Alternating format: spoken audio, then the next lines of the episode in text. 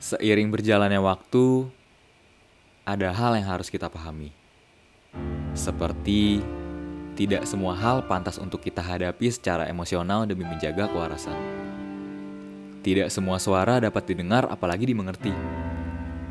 Tidak semua orang dapat menjaga perasaanmu. Tidak semua orang mampu mengerti apa yang kamu rasakan.